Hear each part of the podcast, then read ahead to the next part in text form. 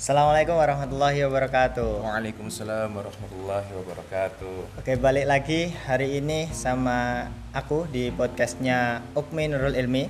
Kali ini kita bakal bahas suatu yang lagi wah-wahnya, lagi rame-ramenya dibahas dari ibu-ibu, bapak-bapak, anak-anak Siap, gitu ya. siap. Nah, tentunya karena hal yang keren tentunya juga harus ngobrolinnya sama orang keren juga nih. Amin, amin, insyaallah amin, Iya. amin. Oke, kali ini aku nggak sendirian. Saya ditemani orang yang luar biasa. Amin.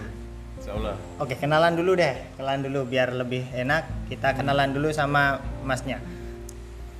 Oke, kenalan nih. Ah, kenalan Oke, dulu. siap. Oke, mungkin kenalan sedikit ya. Ah, namaku Muhammad Akbar. Mungkin teman-teman kalau mau lebih kenal cek Instagram gua aja. Wah, promo- promosi, promosi, promosi. Boleh dong. Promosi nggak apa-apa ya. Oke. Namaku Akbar. Alhamdulillah mungkin pada saat ini sedang uh, lagi asik-asiknya mau ngobrolin Palestina dan akhirnya ikut tergabung dalam satu komunitas. Komunitasnya namanya Assalamualaikum Palestina. Nah, jadi- Waalaikumsalam. Waalaikumsalam. Iya benar dijawab ya. Jadi kita salam ke Palestina harapannya bisa dijawab langsung oleh mereka. Berarti kan kalau dijawab langsung kita ketemu langsung. Nah, harapannya kita bisa ke sana gitu. Oke. Ya, tadi udah dapat bocoran dari Mas Akbar, kita bakal bahas mengenai Palestina gitu ya Oke, Mas Akbar. siap, Oke, siap. kita bakal nanyain banyak Hmm. sama Mas Akbar yang udah sering ngobrol tentang Palestina tentunya di komunitasnya yang luar biasa juga. Assalamualaikum Palestina gitu ya. Oke. Oke Mas Akbar, Hmm. ini yang pertama mungkin bisa diceritain dulu deh Ya. kondisi eh, saudara-saudara kita di Palestina yang terkini tuh kayak gimana sih yang di sana tuh gitu. Oke, kalau kondisi terkini ya, sebenarnya nggak beda jauh sama setahun, dua tahun, tiga tahun yang sampai empat tahun yang lalu. Intinya dan yang paling utama adalah Palestina masih terjajah, masih terjajah ya, terjajah, masih terjajah nih Palestina. Jadi sam dari tahun kan mulai startnya itu dari tahun 1947 ya, ketika itu ada perjanjian Nakba. Di situ baru uh, Israel dikirim dari tentara apa dari Inggris untuk di Palestina dan Palestina menyambut karena tamu kan. Mereka habis terusir dari Jerman waktu itu kan dibantai Yahudi Yahudi. Uh, akhirnya mereka uh, masuk ke Palestina diterima Palestina sebagai tamu. Tapi ya namanya Yahudi yang mereka memang oknum-oknum mereka nggak mau apa nggak punya rasa terima kasih akhirnya mereka justru wah kita dikasih tempat kenapa nggak sekalian dikuasain? Akhirnya di situlah dimulai dari tahun 1947 48 kemudian berlanjut berlanjut perjanjian perdamaian segala macam karena tapi uh, Yahudi ini backupannya Inggris kemudian uh, setelah itu karena negara dikuasa adalah Amerika akhirnya juga di backup sama- sama Amerika gitu. Jadi uh, itu berlanjut terus sampai ada kemudian perlawanan dari uh, rakyat-rakyat Palestina dan itu pun berlanjut sampai sekarang ini. Jadi intinya adalah terjajah. Dan nanti mungkin uh, aku juga akan sedikit menjelaskan tentang di Palestina ini terjajah semua atau gimana. Nah dan nanti daerah-daerah seperti apa mungkin akan uh, aku jelasin nggak nih? Boleh, banget. Biar Boleh. teman-teman pada tahu barangkali ya. aku pun yo sing ah, ramudeng gitu Oh, ya iya. barangkali siap. walaupun ini lagi bahasanya lagi panas-panasnya membahas Palestina mungkin Oke. juga belum teman-teman belum semua yang paham gitu. Barangkali lewat podcastnya Ugmi ini bisa ngedukasi Amin. teman-teman gitu. Siap. Mungkin yang penting sih kita tahu ya mungkin kita ah, sadar nih benar. kalau ternyata emang Palestina itu kondisinya terjajah dan kita harus aware karena itu karena kita juga pernah terjajah kan kita Iya. sebagai bangsa Indonesia. Yang pertama itu yang kedua kondisinya adalah teman-teman eh, saudara-saudara kita di Palestina sti- selain terjajah mereka juga menjadi korban genosida pembantaian di jalur Gaza salah satu wilayah di Palestina itu bukan hanya dibantai jadi diblokade nih. Jadi julukannya jalur Gaza itu adalah penjara terbesar di dunia. Karena apa? Karena di tembok dikurung mereka nggak bisa keluar masuk. Akses benar-benar terbatas di jalur Gaza itu. Jadi mereka terbatas nggak bisa keluar masuk maka di itu dijuluki penjara terbesar. Itu di jalur Gaza. Kemudian kita masuk ke uh, daerah salah satunya yang sekarang ramai adalah Yerusalem Al-Quds Uh, Al-Quds ini salah satu kota di Palestina, kalau is- istilah internasional ya Yerusalem ya yang diklaim apa ada duta besarnya dari Amerika segala macamnya itu. Nah di situ terletak Masjid Al Aqsa itu yang mulia itu di Al Aqsa di situ. Kemudian ada da- da- daerah lain yang juga uh, mulai diambil alih sama Israel itu ada tepi barat itu. mungkin nanti uh, di lain waktu atau mungkin di mau kalau lebih komplit di Instagramnya Aspal ada Wah, sekalian promosi. Jadi di Instagram itu ada tuh tepi barat itu sebelah mana terus kemudian uh, Alquds itu sebelah mana kemudian Gaza itu sebelah mana dan perbatasannya itu ada di sana lebih komplit sih. Cuma aku menjelaskan kondisinya di sana uh, mereka masih terjajah akses untuk keluar masuk susah, kesehatan juga susah, jadi terbatas banget. Mungkin ya alhamdulillah kita dari Indonesia karena backupannya besar ya, dananya besar, kita masih bisa tuh bangun rumah sakit di sana, kita masih bisa ngasih pasok apa pasokan-pasokan uh, untuk kehidupan di sana kita masih bisa. Cuma memang kondisinya terjajah dan mereka mengalami kejahatan genosida gitu. Berarti tadi di titik-titik itu tadi ya? Iya, uh, mayoritas, uh, mayoritas memang semua cuma memang yang paling sentral dan masih sampai sekarang ada konflik itu memang di titik-titik itu. Oh gitu. Hmm. Insya Allah. Oke, tadi ya ternyata uh, Palestina itu nggak lagi kemarin sore gitu ya. Bah, betul. Nah, ini, ini, nah ini. Nah, nah ini. ini. Tahunya mungkin barangkali orang-orang itu baru kemarin gitu. Ya, lagi pas Ramadan itu. Palestina. Padahal tadi Mas Akbar bilang udah berapa tahun dari 1947. 47. 47. Hmm udah lama banget saudara-saudara kita dijajah dan Ad sampai sekarang belum merdeka. Wah, masya Allah. Dan sampai sekarang belum merdeka. Nah ini masalahnya. Makanya kita harus nih memperjuangkan kemerdekaan karena uh, ya nanti akan aku jelasin mungkin terkait kenapa kita harus membela Palestina itu mungkin. Oh iya. Berarti salah banget kalau orang-orang taunya Palestina itu baru dijajah kemarin, rame-ramenya nah, baru kemarin betul. itu salah banget ya. Iya itu mungkin barangkali malah kitanya yang nggak pernah peduli barangkali atau iya kita mungkin nggak aware ah benar nah ini mungkin dari sini uh, saya ngajak teman-teman semuanya tentunya teman-temannya Opmi yang lihat postingan ini bareng-bareng buat ngeramein jangan nah itu diem wae gitu ya nah. ayo kita uh, ambil peran lah karena juga termasuk saudara-saudara kita betul betul betul oke nih Mas Akbar bakal jelasin kenapa kok kita perlu peduli sama saudara-saudara pastinya. Okay. Itu kenapa Mas kira-kira? Kalau ini ini sering aku bahasakan ya, aku sering aku sampaikan di beberapa kegiatan. Bahkan kita di masjid nih kan, uh, alhamdulillah saat ini kan emang uh, tinggalku di masjid ya. Jadi juga kadang ngisi khutbah Jumat. Kemarin pas khutbah Jumat setelah Idul Adha eh Idul Fitri, Idul Fitri. kan itu Kamis kita Jumat uh, uh, apa namanya? khotbah aku sempat menyampaikan kenapa kita harus membela Palestina kita memandang dari tiga sisi dari tiga sisi sudut maksudku dari tiga sisi ini kita bisa melihat dari yang pertama dari sisi kita sebagai warga negara Indonesia nih orang Indonesia warga negara Indonesia. Pancasilais dong. Yo mantap. Iya dong. Ya, benar nah, benar benar. Oke yang pertama yang paling gampang adalah kita pasti hafal pembukaan undang-undang dasar. Mm-hmm. ya kan? Dari kecil mungkin dari SD SMP SMA udah sering denger nih pas upacara. Pembukaan bahwa sesungguhnya kemerdekaan itu ialah hak segala bangsa. Maka oleh sebab itu penjajahan di atas dunia harus dihapuskan karena tidak sesuai dengan peri kemanusiaan dan peri keadilan. Oke, alinea pertama jelas banget kan? Ya. Kemerdekaan itu hak segala bangsa, bukan hak Indonesia tok. Bukan hak bangsa Indonesia tetapi segala bangsa, termasuk bangsa Palestina, mereka punya hak. Maka oleh sebab itu penjajahan di atas dunia, dunia harus dihapuskan di atas dunia ya bukan di atas Nusantara bukan di atas Indonesia tapi di atas dunia harus dihapuskan nah ini cita-cita luhur kita punya nih basic banget dasar banget. Dasar undang-undang ini kan pembukaan undang-undang kan.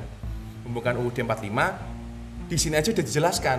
Penjajah di atas dunia harus dihapuskan. Oke misalkan kita masih kurang yakin lagi Pancasila kan? Kita buka Pancasila. Sila kedua apa? Adil uh, Pancasila satu ketuhanan yang esa dua kemanusiaan yang adil dan beradab. Ah, masuk ya sama pembukaan tadi? Iya masuk. Ber, kan? Karena tidak berperi kemanusiaan dan berperi keadilan Pancasila kedua kemanusiaan yang adil dan, beradab. Nah bahas kemanusiaan aja. Kalau kita lihat kondisi di Palestina kalau kita punya kemanusiaan nih harusnya sih punya. Maka kita pasti akan melihat itu benar-benar kondisi yang memerlukan rasa kemanusiaan. Ya humanity kita itu pasti ada pasti akan terusik gitu. Karena kita dari Pancasila aja kita itu memang ada memang luhur kita itu mencantumkan kemanusiaan yang adil dan beradab. Karena memang paham orang-orang Indonesia itu punya rasa kemanusiaan yang tinggi gitu loh apalagi ketika kita melihat kondisi uh, saudara-saudara kita di Palestina harusnya rasa kemanusiaan kita tuh tergerak. Oke ini kita belajar uh, kita melihat dari sisi negara dari sisi kita sebagai warga negara Indonesia WNI ya. Harusnya sih jelas. Kemudian ini sisi pertama. Sisi kedua kita melihat dari sudut pandang agama. Mungkin kalau yang nonton ada yang non muslim juga mungkin di alasan pertama mungkin bisa atau mungkin di alasan kedua ini di agama masing-masing juga mungkin ada ya. Kalau di Islam sendiri uh, kenapa kita wajib membela Palestina? Karena mereka sama-sama muslim kita. Majority atau mayoritas dari mereka adalah muslim ya kan? Sama muslim adalah saudara, saudara. ya kan? Kemudian uh, ada hadis yang mengatakan bahwasanya ketika uh, umat muslim itu seperti satu tubuh ya. seperti satu jasad. Ketika satu sakit mereka akan merasakan yang lain juga merasakan sakit. Nah, kan gitu. Kemudian itu kita sebagai sesama muslim ya ukhuwahnya gitu kan. Kemudian kalau kita memandang lagi dari sisi muslim tetapi dari sisi lain dari sisi Palestina sendiri. Palestina ini merupakan tanah yang diberkahi. Ya kan? Al Isra Subhanalladzi asra bi 'abdihi ila al-masjidil haram ila mital alladzi barakna haulahu ya kan? Jadi mereka itu tanahnya yang diberkahi gitu. Palestina Al Aqsa kan di sana tuh. Ya Masjidil Aqsa di sana memang menjadi tanah yang diberkahi. Maka rasanya kalau kita tidak memperjuangkan tanah yang diberkahi, tanah yang suci, uh, keislaman kita dipertanyakan. Apalagi Al Aqsa itu juga merupakan satu salah satu dari tiga masjid paling suci di dunia. Yang pertama kan kalau uh, dari Nabi kan menjelaskan bahwasannya yang pertama kalau kita sholat di Masjidil Haram itu setara dengan 100 ribu pahala, eh 100 ribu sholat di masjid-masjid biasa Kemudian yang kedua masjid di masjidnya Nabi, Masjid Nabawi, Nabawi. itu setara dengan seribu, eh sepuluh ribu atau seribu, sepuluh ribu kalau nggak salah, sepuluh ribu sholat di masjid biasa. Kemudian yang ketiga adalah Masjidil Aqsa, itu setara dengan 500 di sholat-sholat uh, di masjid yang lain gitu.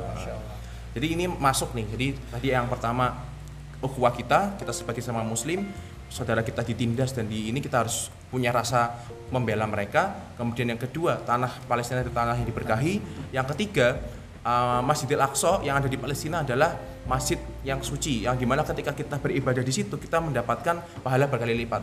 Bayangin, kalau misal kan ini kemarin kan rame tuh Masjidil Aqsa dilempar hmm. bom, dilempar ini, diambil alih tuh. Kemarin kan ada sempat tuh video yang menyayangkan bahwasanya Yahudi udah mulai ibadah di tembok ratapan terus kemudian dia uh, mereka tuh bersuka cita ketika saudara-saudara kita uh, dibantai di masjid yang suci gitu loh nah bayangin kalau memang itu masjid dikuasai mereka kita nggak bisa ibadah padahal itu masjid memiliki keutamaan 500 kali lipat nggak rugi nggak itu nggak kebayang mas nggak kebayang emang emang dan rugi banget gitu itu kalau kita dari sisi itu dari sisi pahala kemudian Masjidil Aqsa itu tempat Isra Miraj kita pasti oh tahu oh, iya, tuh dari yang di, di surat Isra kan iya. Al Isra ayat pertama dari Masjidil Haram ke Masjidil Aqsa. Nah, Masjidil Aqsa ini satu-satunya tempat di dunia yang dia punya koneksi ke langit.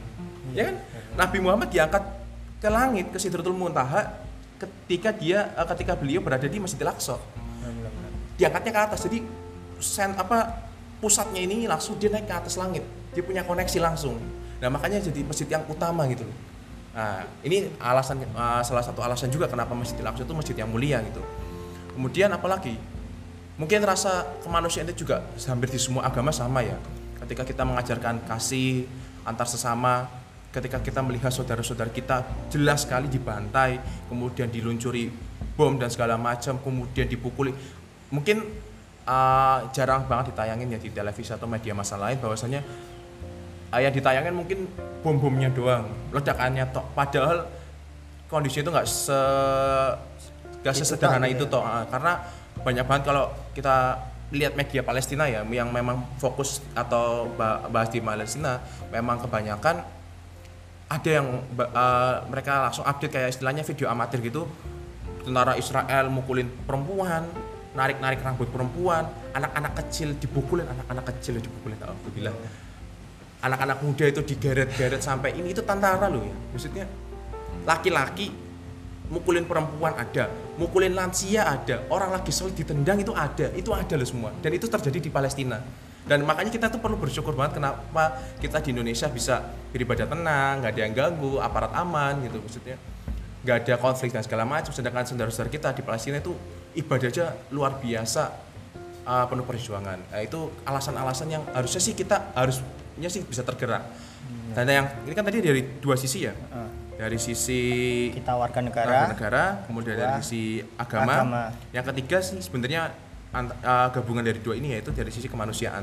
Nah, kalau kita mungkin dari sisi uh, warga negara wah kurang yakin maksudnya kurang mantep kita kasih dalil tadi dalil udah ada dari sisi apa pedoman bernegara udah ada dari sisi uh, dalil udah ada kalau dua ini masih belum meyakinkan kita coba dari sisi kemanusiaan.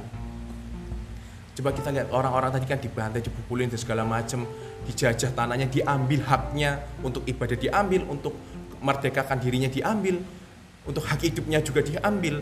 Rasa kemanusiaan kita tergerak gak? kalau ini udah nggak tergerak ya sudah Allah alam. Kita ya ya Merinding aku mas. Merinding. itu serius.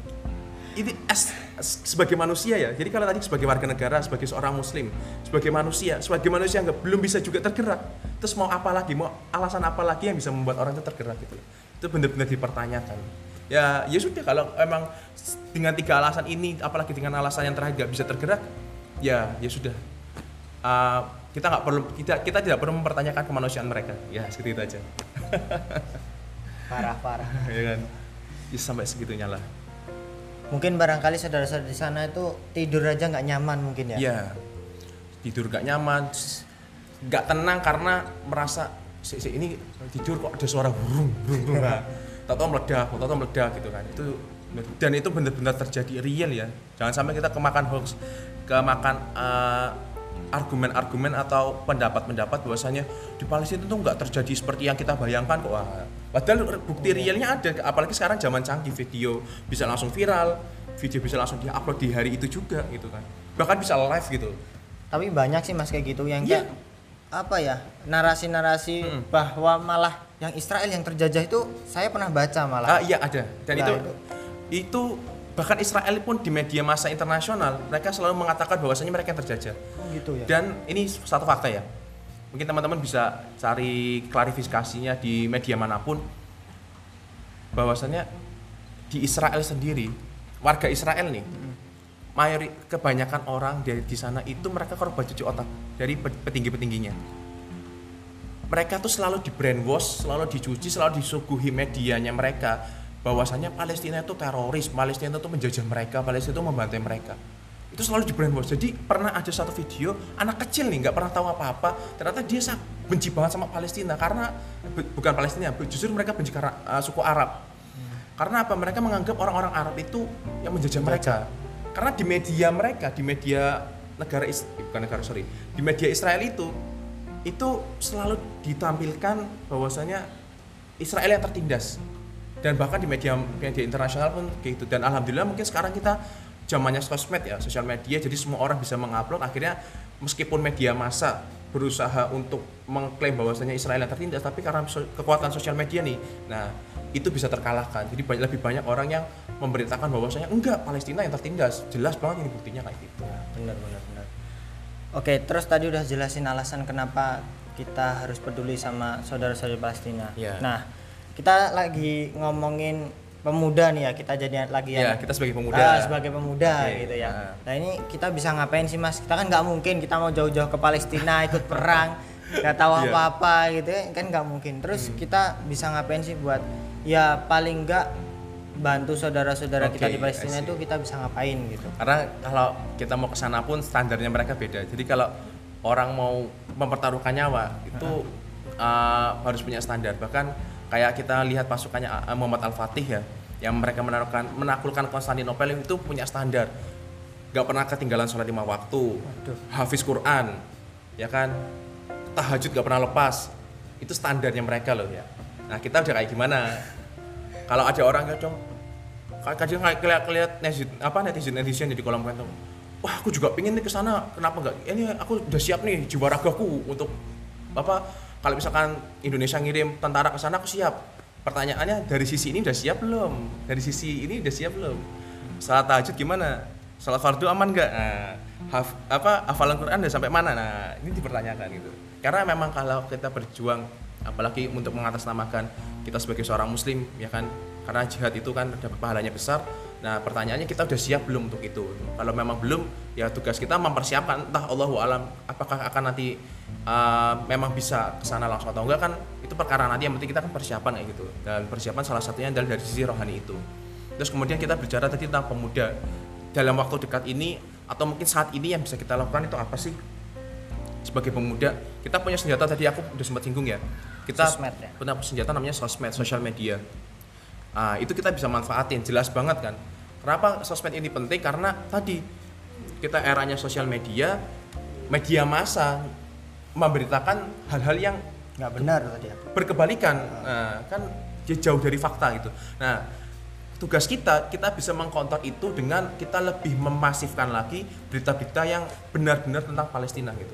Kita memberitakan emang Palestina kondisinya kayak gini? Kemudian kita mengedukasi lebih banyak orang lagi. Mungkin kita punya uh, komunitas atau mungkin kita punya teman nongkrong ajakin aja ngobrol Palestina. Kan lagi mumpung lagi isunya lagi hangat kan ini. Eh Palestina lagi gini gini gini. Nah kondisinya tuh mereka bener-bener ini loh uh, memang bener-bener saja loh. Terus kita kan muslim nih atau mungkin kalau yang circle-nya kita masih uh, agak sulit untuk membicarakan agama dari sisi tadi dari sisi kemanusiaan. kema- uh, kemanusiaan bisa atau mungkin dari sisi warga negara ya kan kita tuh WNI loh Bu, kita tuh harus nasionalis. Iya, Pancasilais. harus patriotisme. Harus pancasilais kan, gitu kan. Makanya dari sisi ini aja udah harusnya kita sebagai orang warga negara Indonesia yang ras- punya rasa nasionalisme harusnya sih bisa tergerak gitu. Oh iya kita tuh harus ini. Terus kita mungkin kasih aja videonya. Kalau dia gampang tersentuh pasti tersentuh lihat video-video anak kecil. Ada yang meninggal naudzubillah ya. Kemarin tuh di Gaza itu dibom setelah Al-Aqsa diserang. Kemudian eh, serangannya itu beralih ke Gaza. Jadi Al-Aqsa di- dilemparin petasan dilemparin bom dilemparin granat segala macam setelah itu selesai agak mereda ternyata serangannya beralih ke Gaza. Nah ketika di Gaza ini diluncurin bom anak-anak kecil tuh mati. Anak-anak bayi loh bayi Allah, baru lahir itu udah udah kehilangan nyawanya dan benar-benar tragis. Nah jadi kita mengedukasi itu kita sharing sebanyak-banyaknya. Mungkin ada orang yang masih belum ngerti tentang Palestina ya harapannya dengan apa yang kita punya kita juga bisa membagikan itu kalau kita merasa belum mampu belum punya uh, ilmunya ya kita belajar gitu sekarang platform banyak termasuk tadi uh, aku sekalian mengenalkan aspal ya, Aspal, ya. Nah, Assalamualaikum Palestina ini di konten-konten kita di Instagram kita itu juga banyak konten-konten yang memberitakan bahwasanya uh, kenapa kita harus membela Palestina itu udah ada di sana. Kemudian fakta-fakta tentang Palestina ada di sana. Plat- apa platform atau wadah untuk kita belajar ada namanya kita tuh ada kegiatan namanya koas kongko asik. Jadi kongko asik itu semacam ya forum untuk kita belajar. Jadi kita menghadirkan pembicara pembicara untuk membahas Palestina sejarah ada pernah tuh waktu itu dari Mas Gilang.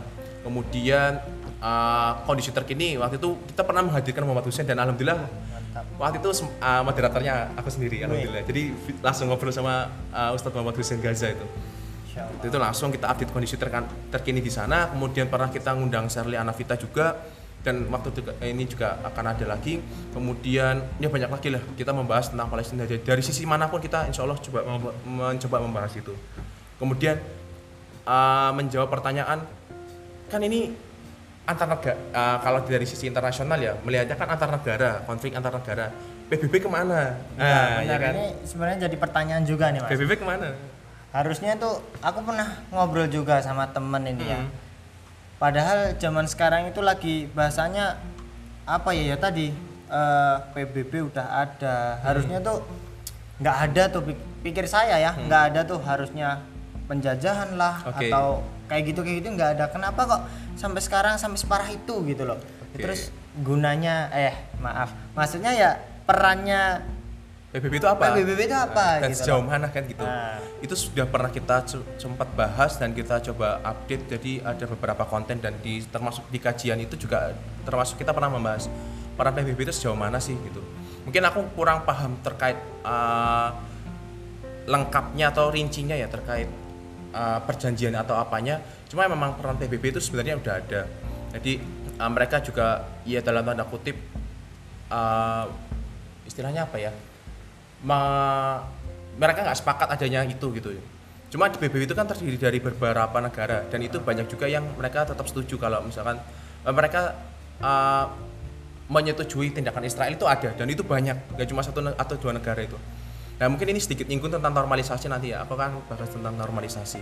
Jadi kalau PBB sendiri mereka mengecam itu tindakan itu, cuma mereka tidak bisa bertindak langsung gitu. Karena balik lagi ya mungkin kalau kita bicara tentang apa namanya uh, geo apa istilahnya ya? Geopolitik. Nah kalau kalau kita bicara geopolitik kan ag- agak lebih luas dan bahasanya lebih rumit gitu. Ya karena kita tahu PBB bentukan Amerika dan kemudian Amerika full ah, arahnya untuk arahnya ke Israel. Dari pimpinannya ya bukan warganya bukan atas nama negara, atas nama warga tapi atas eh, nama negaranya mereka. Pimpinan mereka itu memang pro Maunya Israel. Ah, memang mereka mendukung dan mereka juga mendirikan dubes kan itu dubes apa duta besar di Yerusalem gitu. Tapi warga negara Amerika sendiri banyak sekali yang mereka juga memprotes gitu. Karena tahu ini ini salah ini ini, ini nggak benar ini. Ini kemanusiaan udah dipertanyakan ini. Ya. harusnya karena kan Amerika yang menjunjung human rights kan ya, Ya, apa hak asasi manusia kan paling kenceng untuk Penggembar-gembaran ya malah. makanya sebenarnya dari warganya sendiri banyak yang lebih mendukung Palestina gitu. Dan beberapa negara juga mulai cuma dari PBB-nya sendiri untuk bertindak Belum itu bisa. belum bisa. Memang memang ah, karena itu tadi kepe- banyak kepentingan di sana itu kalau secara tertulis ada cuma tertulis aja. Maksudnya ya sekedar tertulis tapi apakah aslinya itu itu enggak belum sampai sekarang belum ada titik ini. Hanya sekedar mengancam. Kemudian tadi eh, ini ada istilah normalisasi. Jadi aku mau sedikit kasih tahu. Jadi normalisasi kan berkaitan dengan negara. Jadi eh, istilah gini ada negara-negara muslim yang muslim mayoritas muslim seperti misalnya Indonesia Malaysia kemudian Uni Emirat Arab Mesir dan segala macamnya awalnya kan memang kita sebagai eh, negara yang may- mayoritas muslim kita mendukung Palestina dong. Nah, tapi beberapa negara ada yang mereka melakukan normalisasi. Jadi menganggap normal apa yang dilakukan Israel. Nah, contohnya Uni Emirat Arab ya, UEA. Mereka melakukan normalisasi. Jadi mereka menganggap ah, Israel, apa Israel itu ya udahlah wajar lah, udahlah nggak apa-apa lah, udahlah terima aja lah gitu. Nah, dampaknya apa sih? Dampaknya adalah bantuan untuk Palestina itu semakin berkurang. Dan sekarang aku lupa ya ada beberapa negara yang sudah melakukan normalisasi dan dampaknya adalah uh, donasi atau mungkin bantuan ke Palestina itu semakin berkurang karena kan Palestina kan terjajah nih mereka untuk hidup di negara sendiri aja sudah susah jadi mereka mengandalkan bantuan dari negara-negara lain nah ketika bantuan negara lain ini berkurang karena mereka normalisasi menganggap mereka le- udah bergeser untuk cenderung pro Israel pasukan apa uh, istilahnya donasi mereka akan semakin berkurang. Nah dan sekarang faktanya yang jadi tulang punggung terbesar Palestina adalah Indonesia. Makanya ini kita uh, mencoba semaksimal mungkin ya warga Indonesia supaya kita tetap menjadi tulang punggungnya mereka. Karena mereka mau gimana mau uh, bertahan untuk mereka sendiri itu udah susah banget. Makanya kita mereka perlu support dari luar kan. Nah dan, dan jadi apa namanya tulang punggungnya itu dari Indonesia karena Indonesia mayoritas Muslim kemudian ya kita punya semangat gotong royong yang besar kemudian tadi ada beberapa alasan itu. Nah ini yang bisa menjadikan Palestina masih bisa bertahan sampai sekarang. Nah itu tuh makanya Indonesia gini kita nih sebagai warga Indonesia harus bisa mempertahankan ini nih. Kita sebagai tulang Tingkatkan punggung. ya. ya dan harus ditingkatkan. Jadi kita lebih banyak mengedukasi orang lain supaya uh, orang lain tahu tentang Palestina kemudian mereka akan aware. Setelah mereka akan aware atau mereka peduli uh, baru bisa berkontribusi mungkin dengan doa-doa kita minimal. Atau mungkin dengan harta kita bisa donasi harta uh, uang misalkan.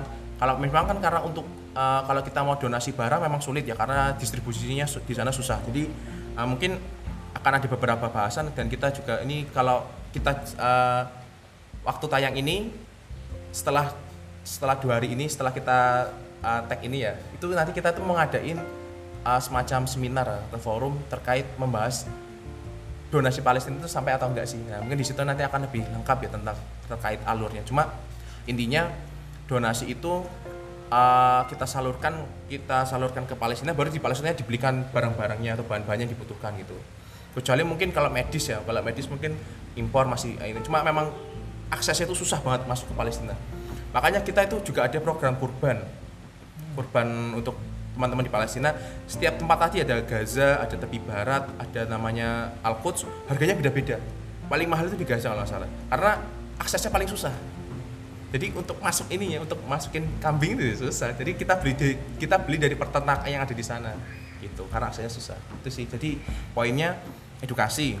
Kalau edukasi mereka sudah paham mereka pasti pasti akan peduli. Karena banyak orang kita nih mungkin tetangga kita mungkin kerabat kita itu mereka bukannya nggak peduli Palestina tapi mereka nggak tahu. nggak ngerti, Heeh, benar. makanya tugas kita tuh kita Punya pemuda nih punya uh, ran- apa punya privilege ya punya keuntungan kita bisa belajar dari media sosial. Ilmu kita pasti lebih banyak lah kita yakin daripada orang-orang tua gitu.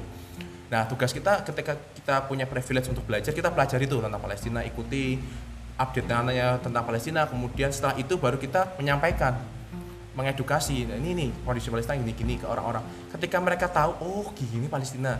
Nah baru mereka bisa akan peduli. Ah, benar. nah ketika mereka peduli mau wujudkannya gimana? Nah, bisa nih kita menyediakan uh, wadah-wadah untuk donasi gitu. Termasuk di aspal juga bisa gitu. Kalau mau teman-teman mau donasi kita bisa. Nanti kita akan salurkan ke induk kita yaitu Adara. Adara ini salah satu NGO uh, apa namanya terkait Palestina juga ya dan ke Palestina juga dan nanti akan langsung disalurkan ke Palestina kayak gitu. Itu bisa. Paling enggak ya tadi kontribusi kita edukasi donasi kemudian paling minimal kita mendoakan gitu. Itu sih alat dari aku. Mantap, banyak banget ilmu yang ah, Allah sampai sempat mau nangis saya ya Allah. Oke, makasih Mas Akbar ya. Ya, Nah, mungkin itu dulu barangkali nanti kita eh, bisa next ngobrol-ngobrol lagi gitu ya. Oke, boleh, Nah, boleh, ini kan dalam rangka kita bikin podcast ya. Oh, Semoga siap. ya bermanfaat buat teman-teman, nambah ilmunya teman-teman juga. siap Intinya udahlah nggak usah ribet-ribet mikir PBB dan lain-lain. nah itu nanti aja Ha-ha. Yang yang, penting- penting adalah dari diri kita sendiri kita kasih kontribusi terbaik buat saudara-saudara kita di Betul. Palestina. Oke, minimal tadi doa gitu ya, Iya, Mas. Minimal karena kan doa. gini uh, warga Palestina itu tidak akan ditanya ketika mereka uh, apa namanya ada yang memperjuangin nggak sih? Tapi yang ditanya oleh Allah itu kita. Kalian tuh udah udah ngapain aja sih? Udah kalian tuh udah kontribusi apa aja sih buat Palestina? Yang bakal ditanya itu kita bukan orang-orang Palestina. Orang Palestina nggak nggak akan ditanya kalian yang bantu siapa aja? Nggak akan ditanya. Tapi yang ditanya tuh kita justru. Kita tuh eh kamu Akbar misalkan. Akbar kamu selama Palestina dijajah selama Palestina ditindas kamu udah ngapain aja jangan-jangan kamu nggak ngapa-ngapain aja.